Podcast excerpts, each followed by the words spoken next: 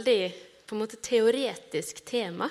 Fordi at temaet i kveld er jo egentlig nesten et eh, definisjonsspørsmål. Hva er definisjonen på velsignelse? Hva er velsignelse? Men det som jeg håper, er at jeg kan gi dere mer enn bare en godt formulert definisjon. Eh, jeg håper at velsignelse er det her, men velsignelse kan bli noe konkret for deg, for ditt hverdagsliv og for din relasjon til Jesus. For det å være kristen, det eh, handler ikke om å ha liksom et, et karkotek med velformulerte definisjoner, riktige svar. Det er selvfølgelig ikke noe galt i å formulere seg riktig, det er faktisk eh, en stor fordel. Eh, men det som vi kan om Jesus, det som vi kan om Bibelen, det som vi kan om Gud, det må være levende i oss. Det må være mer enn bare ord, mer enn bare definisjoner.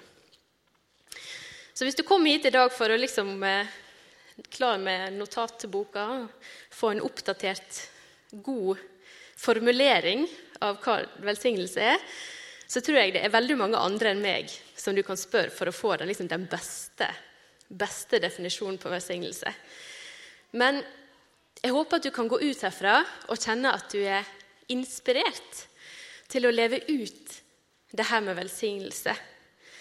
Inkorporere, for å bruke et fint ord, inkorporere det i livet ditt og få oppleve nye ting i relasjonen din med Jesus. Eh, men jeg har gjort litt sånn, litt sånn grunnarbeid. Jeg eh, googla hva er velsignelse. Eh, og det funka egentlig veldig greit. Syns egentlig jeg fikk en del gode svar. Så Google er egentlig ikke så veldig dumt. Eh, og da kom det inn eh, det her eh, At velsignelse, det er å, å tilsie noen Guds nåde. At, å ønske noen Guds nåde. Det er å lovprise, sånn som vi gjorde i stad. Vi lovpriste Gud, vi velsigner Gud. Det er å tale vel om. Det er å ønske noen lykke, ønsker noen noe godt. Men så er det òg et uttrykk for guddommelig livskraft, kjærlighet og godhet. Det er noe som kommer fra Gud til oss som er godt. Og så er det å bli gjenstand for Guds godhet. Og Vi skal slå opp i Efeserbrevet, for dere som har med Bibelen. Eh, der er helt i starten står noen fantastiske vers som handler om velsignelse. Efeserbrevet 1, 3-14. Eh, Velsigna er Gud, vår Herre Jesu Kristi Far, Han som i Kristus velsigna oss med all åndelig velsignelse i himmelen. I Kristus valgte Han oss ut, før verden ble grunnlagt, til å stå for Hans ansikt hellige og uten feil. I kjærlighet og etter sin gode vilje avgjorde han på forhånd at vi skulle få rett til å være hans barn ved Jesus Kristus, til lov og pris for hans herlighet og nåde, som han så rikelig ga oss i Han som han elsket så høyt. I Han, i Jesus, har vi friheten, kjøpt ved hans blod, tilgivelse for syndene. For så rik er Guds nåde, som Han lot strømme over oss med all visdom og forstand, da Han gjorde kjent for oss sin viljes mysterium, det Han gjerne vil gjøre i ham, Jesus. Han ville fullføre sin frelsesplan når tida var fullmoden, og samle alt til ett i Kristus. Alt i himmelen og på jorda i Han. I Han fikk vi òg arverett som det først var tiltenkt oss etter forsettet til Han som gjør, gjennomfører alt etter sin egen plan og vilje. Så vi som alt har sett vårt håp til Kristus, skal være til lov og pris for Hans herlighet. I Han hørte dere sannhetsordet, evangeliet om frelsa deres. I Han kom dere òg til tru, merkte med seglet til Ånden, den hellige han som var lova, han som er pantet på arven til Guds eget folk, blir fri, til lov og pris for Hans herlighet. Lang tekst, kanskje litt sånn uh, vanskelig å, uh, å, skjønne så veldig masse av det hvis ikke du har lest masse Bibelen før. Uh, men for å summere det opp, da.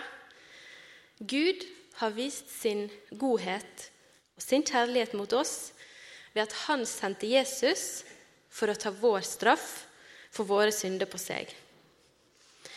Og det var ikke noe han tilfeldigvis eller plutselig bestemte seg for å gjøre, men det var planlagt, og det var sydd sammen i en stor plan som vi får ta del i dag. Ta del i i dag, vi som tror på Jesus. Nåden, freden og tilgivelsen Jesus kom med, og tilgangen på Den hellige ånd, det er den største velsignelsen som Gud har gitt oss. Det fins ikke noe større gave. Du kan ikke få noe som er bedre enn det Jesus har gitt til deg. Det fins ingenting som er bedre enn den tilgivelsen Jesus har for deg. Og det gjelder nå, for dette livet, og så følger det deg helt inn i evigheten. Og når Den hellige ånd virker i oss, så er det et bevis på at vi har del i den velsignelsen, og det er det ingen som kan ta fra oss. Så, har, så den gaven som Jesus ga, det er den største og første velsignelsen vi har fått. Men det vi skal merke oss, det er en detalj som virkelig har gått litt sånn opp for meg nå når jeg har satt og forberedt meg. Eh, for som vi leste i bibelteksten, så er denne velsignelsen, nåden, den gave som vi får ta imot. Men det som er med gave, er at det krever jo en eller annen form for offer, hvis vi kan si det. Det er litt stort ord, men det krever noe av oss. For eksempel, hvis jeg skal gi en bursdagsgave eller et eller annet, så krever det at jeg setter meg i bilen, kjører til Lofotsenteret og bruke litt penger der. Eh, eller jeg kan selvfølgelig finne noe som er gratis. Jeg kan gå ut i naturen og ikke, plukke noe bær eller noe sånt. Men det krever jo litt tid. Så et eller annet krever det jo av meg å gi en gave. Så det betyr at den velsignelsen som vi har fått fra Jesus, krever et, et offer. Det krever at noen har gitt noe for at vi kan få noe. Um, og Det står i Galaterbrevet 3, 11-14. Så står det litt sånn oppklaring. Fordi at plutselig, når en er kristen, så kan en begynne å tenke hm, Kanskje det er jeg som må gi en liten innsats her for at dette her skal liksom bli bra, da, for at jeg virkelig kan bli frelst? Er det jeg som må ofre noe? Eller hvordan er det her, da? Men da står det i Galaterbrevet 3, 11-14. Det er klart at ingen blir rettferdig for Gud ved lova, for det står skrevet. Den rettferdige skal leve ved tru.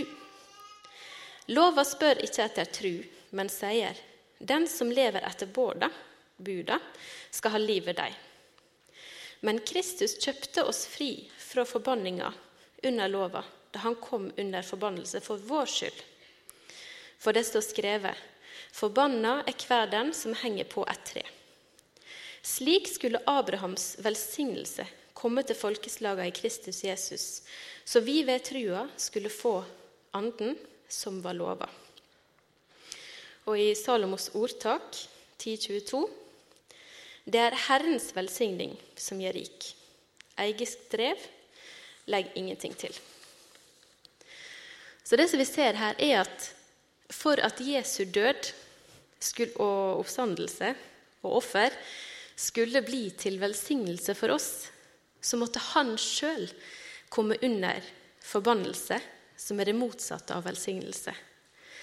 Og Han steg ned fra himmelen. Han ga opp liksom, kan bare tenke deg hvordan det er å være i himmelen. Sant? Tilbedelse og ære. og Han sitter på trona, og alle bare liksom opphøyer han. Så kom han ned på jorda og ble forlatt av venner og døde på et kors og alt det der, for at vi skulle ta del i velsignelsen og slippe å komme under Guds dom. Så han blei, kom under forbannelse for å kunne bli til velsignelse for oss. En annen måte å si det på, det er at for å kunne høste velsignelse, så må det være noe som er sådd. Eh, og det sier jo egentlig litt seg sjøl. Nå skal ikke jeg eh, påstå at jeg kan så veldig masse om jordbruk. Men det jeg vet, er at hvis noe skal gro, så må noe være sådd. Såpass har jeg skjønt. For vi eh, sådde nemlig ringblomst på barneskolen. Så da husker jeg liksom tok ett frø og puttet det i jorda. Så måtte vi vente da, på at den ringblomsten kom opp. Jeg leda, jeg hadde den lengste blomsten, til han knakk. Eh, men fortsatt litt bitter for det. Men det lærte meg iallfall noe om ja, planter og jordbruk og sånn. Og det her det kan vi lese om i 2. Korinterbrev 9, 6 til ja, også litt uti der. Men det sier jeg. Den som sparsomt sår, skal òg høste sparsomt. Og den som sår med velsignelse, skal òg høste velsignelse. Hver må gi det han har bestemt seg for i sitt eget hjerte, ikke ved ulyst eller tvang. For Gud elsker en glad giver.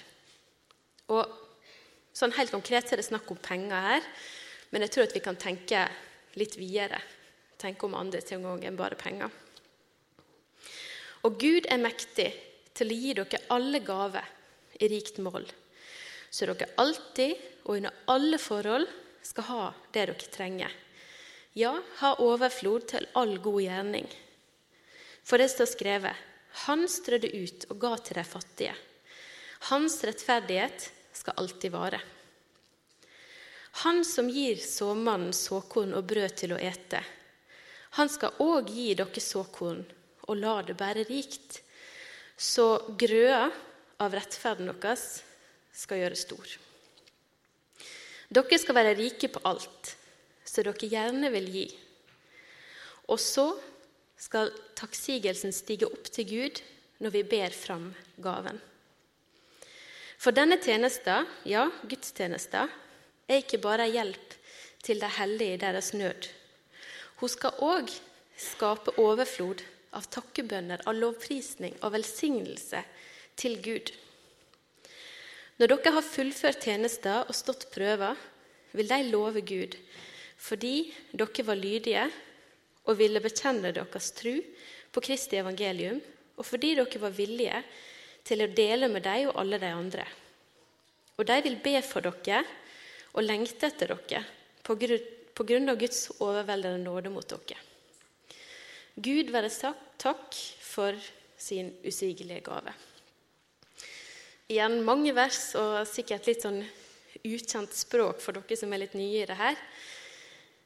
Um, og som sagt så var det liksom snakk om pengegaver her. Men det er ikke bare penger vi kan gi til andre for å høste velsignelse. Tid, samtaler, gode ord og tjeneste i menigheter f.eks. Det er òg såkorn som andre kan høste velsignelse av. Og På den tida så var kanskje penger noe av det som kunne mangle mest i perioder, og var på en måte det største en kunne gi noen.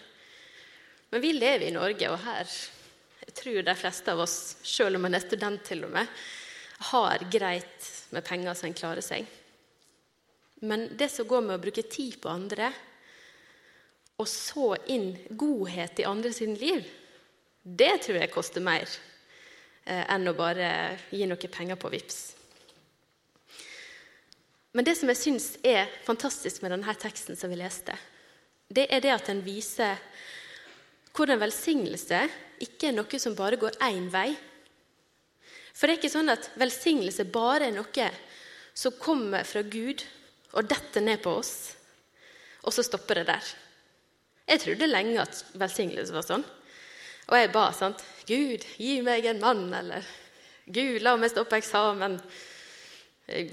Ja, sant? Sånne ting som det der. Og tenkte at velsignelse det var noe som Gud skulle gi meg. Bare sånn fordi jeg ville ha det. Eh, men det blir en veldig sånn smal, veldig smal versjon av hva velsignelse er for noe. da. Fordi at velsignelse starter med at vi får noe fra Gud. Og det første han gir oss, det er jo frelse gjennom Jesus. Men òg gjennom konkrete ting, som at han kan gi oss frimodighet. Han kan gi oss kjærlighet. Han kan gi oss omsorg. Han kan gi oss fred i hjertet. Og så kan vi ta det som vi får, og så kan vi så det videre inn i andre sitt liv. Og så stopper det ikke der. For jeg merker det at når jeg sår inn i andre sitt liv, så er det akkurat som de, uten at de vil det eller de, sår tilbake. Og så blir jeg velsigna når jeg ser at de får høste velsignelse. Og da blir jeg glad, og så takker jeg Gud, og da blir han velsigna. Så det er en sånn treveis Jeg tror det blir tre veier. Ja, treveisgreie. Eh, som er nesten litt sånn som ugras, hvis jeg kan si det sånn. At når du først så det, så bare fortsetter det. For det, det, har dere, det, har dere, kanskje lagt merke til at eh, du kan så veldig masse, og så kommer det ingenting. Men løvetann, det kommer opp overalt. Um, og i tillegg så vil da andre mennesker kunne takke Gud ved det som vi sår inn, som vi har fått av Gud. For det er ikke sånn at jeg skal gå og liksom, presse ut velsignelse til de som jeg møter. Gud gir meg det jeg skal gi videre. Jeg må bare be Han. F.eks. hvis jeg ikke liker noen, det skjer faktisk av og til, så må jeg be Gud om at jeg må like dem. Og så ber jeg for den personen, og det er veldig vanskelig å ikke like noen du ber for, sånn over tid. Og da endrer det jeg sår inn i den andre sitt liv, det endrer seg fra å være dårlige frø til å være gode frø. Og det er ikke fordi jeg er flink å ta meg sammen, men fordi jeg ber om det, og så gir Gud meg det jeg trenger. Så velsignelse, det er genialt. Jeg vil faktisk si at det er, det er vakkert. Og det er kanskje noe av det som best gjenspeiler hvor altomfattende Guds omsorg er, og Guds kjærlighet.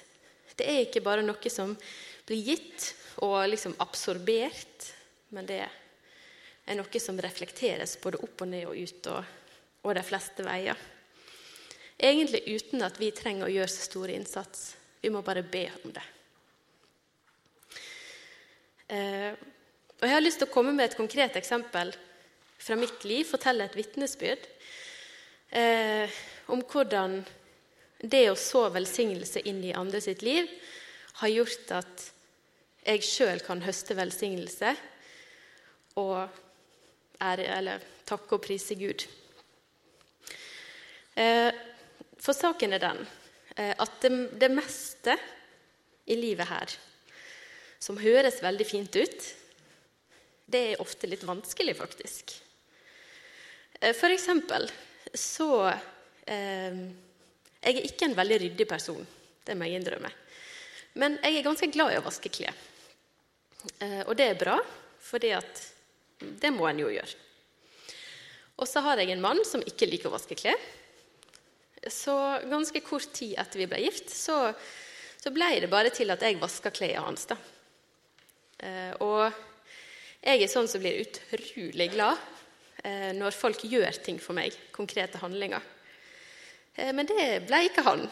Han ble faktisk litt irritert, fordi han fant ikke igjen klærne sine. Han visste ikke om det var i skittentøyskorga eller i vaskemaskina eller tørketrommel eller hvor det var. Eh, så det jeg trodde var liksom en god ting, viste seg for han å bli et irritasjonsmoment. Men så tenkte jeg det at hvis jeg bare gjør ting fordi jeg får noe tilbake, så gjør jeg det jo egentlig mest for min egen del. Mens her kan jeg på en måte virkelig vise kjærlighet da, ved å gjøre noe som jeg egentlig ikke får så masse tilbake for. For den dag i dag så blir han egentlig bare irritert når jeg legger bretta klær på senga hans. For da kan ikke han legge seg og sove fordi det ligger klær der. men det er den eneste måten jeg får han til å legge det inn i skapet på. Så derfor gjør jeg det.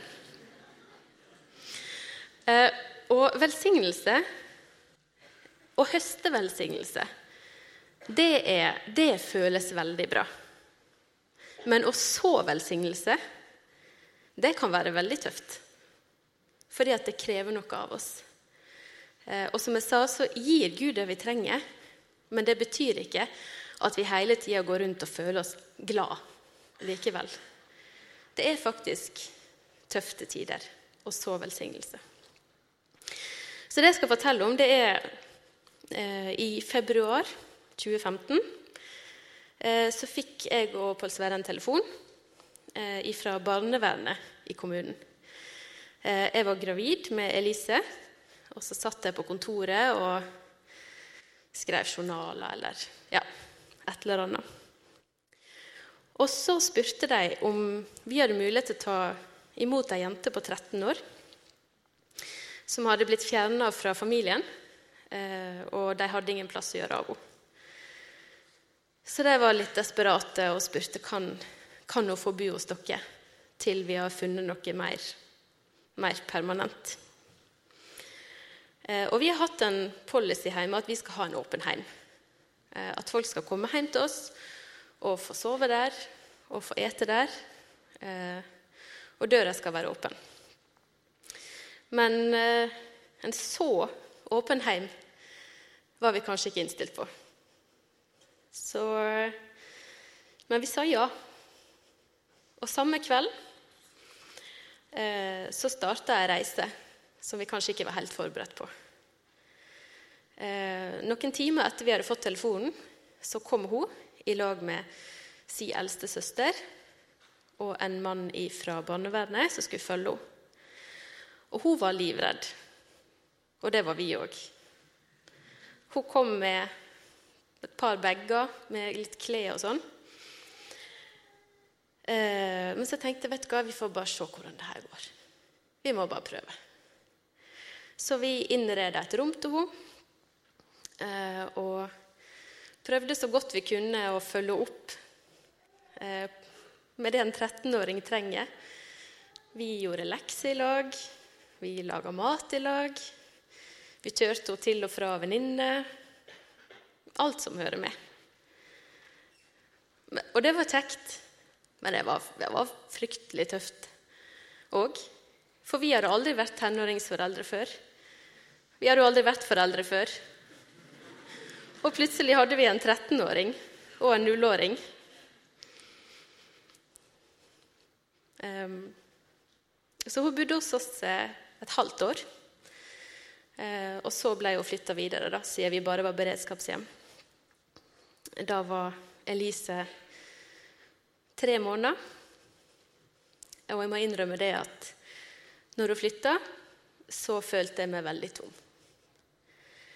For jeg følte ikke at vi hadde fått gjort så masse godt for henne og for familien som vi kunne ha gjort. Det var jo tross alt en ganske kaotisk situasjon midt oppi det hele.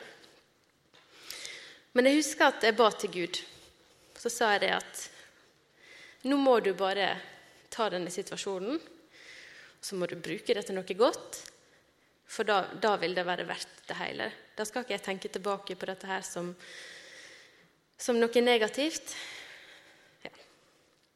Og så, så gikk egentlig bare tida litt. Hun flytta ikke så veldig langt, så vi møtte jo innimellom. Og, eh, og den storesøstera hennes. Ehm, og den bønna som jeg ba, den glemte jeg egentlig litt. Men så er det jo nettopp det som er litt av magien med det med å så. For når du skal så, så må du ha tid. For det er ikke sånn at du bare sår, og så dagen etterpå så er det ringblomst eller korn eller hva det måtte være.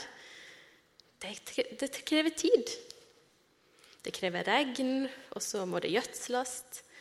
Og så må en på en måte bare leve livet litt, og så må en egentlig bare vente litt.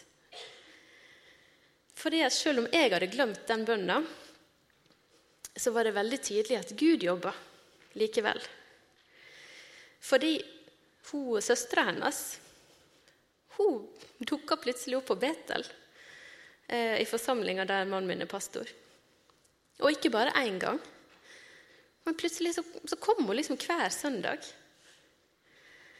Um, så etter hvert så spurte vi liksom hun og, og kjæresten da, uh, om de ville være med i cellegruppa vår. Og det ville de. Og jeg ble jo kjempesjokkert. Jeg var jo ikke forberedt på det i det hele tatt. Uh, og det tror jeg ingen var. Og han, eh, Kjæresten hennes han kommer egentlig fra en kristen heim, men har liksom tatt avstand fra det. Så jeg vet at hans familie har bedt veldig masse for han. Eh, og plutselig så, så var de liksom hjemme hos oss hver tirsdag og leste Bibelen og ba i lag. Og hun har tatt imot Jesus.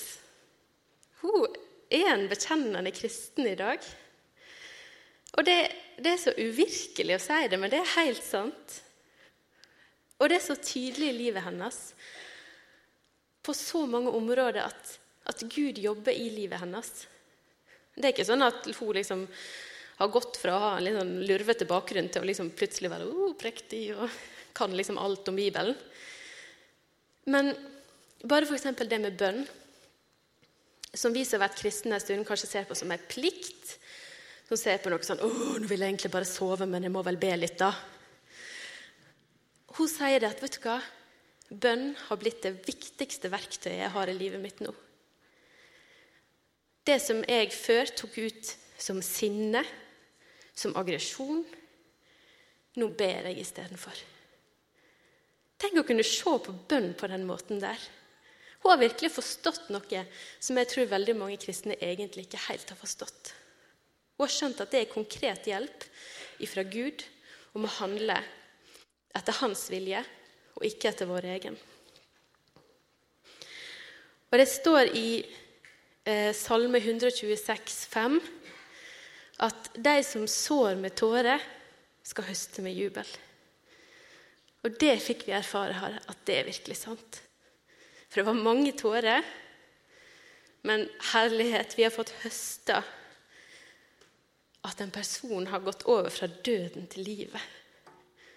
Det fins jo ingenting større enn det.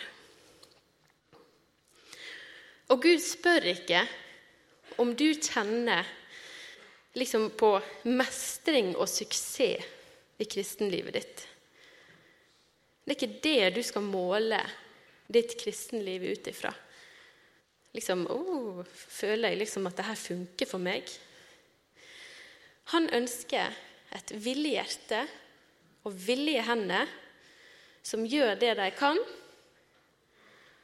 og så, så ordner han resten. Og Vi sådde inn her et ønske om å gjøre godt for noen, og følte jo egentlig at vi ja, mislykkes på mange måter. Følte liksom ikke at vi fikk gjort alt vi kunne.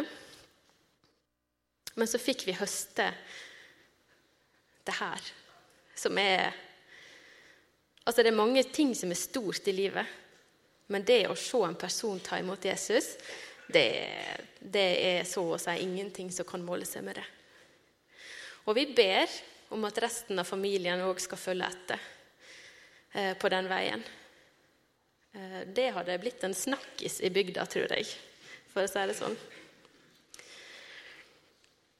Så altså Velsignelse det er frukter av noe som er sådd. Av og til i tårer, av og til i pågangsmot og forventning. Det kan variere veldig hvor en er. Men det er Gud som gjør at det vokser. Det er Gud som gjør at det vokser. Han er drivkrafta bak alle velsignelser, og det er han som skal gi oss krefter til å stå i det arbeidet vi står i. Og når vi får se fruktene, så er det han som skal ha æren for det. Så bare vit det, og stol på det, og lev det. At hvis du holder deg til Guds veier og Hans ord, så vil han faktisk sørge for deg. Og det betyr mer enn at du står på eksamen. Da jeg var student, så trodde jeg at Gud, at Gud sørga for meg, var at jeg sto på eksamen. Altså sånn, sant? sånn Så snevert syn hadde jeg da. Men åndelig, sjelelig, så mange flere områder enn vi kanskje tenker. Og du skal få eie en fred som er liksom djupere enn den freden du får ja, når du står på eksamen. Men som på en måte er, skal få være med deg, både gjennom prøvelser og gjennom det som er bra. Så til slutt så har jeg bare lyst til å hilse dere med noen vers som dere kan ta med dere. Fra Salme 1, vers 1-3. Salig er den som ikke følger råd fra lovløse, ikke går på syndervei og ikke sitter i spukterlag, men har sin glede i Herrens lov og grunner på Hans lov dag og natt. Han er lik et tre planta ved rennende vann. Det gir frukt i rette tid, og løvet visner ikke på det, og alt han gjør, skal lykkes. Det er svære løfter. Og så til slutt eh, Galaterbrevet 6,9, som på en måte er slagordet vårt, da, hvis du kan si det, i Lofoten. Som vi må trekke fram når det stormer ute, og vi lurer litt på hvorfor vi ikke bor i Spania. Der står det La oss ikke bli trøtt mens vi gjør det gode. Når tida kommer, skal vi høste bare vi ikke gir opp. Og det sier jeg til dere òg. Ikke bli trøtt mens du gjør det gode. For når tida er inne, så skal du høste, bare du ikke gir opp. Amen.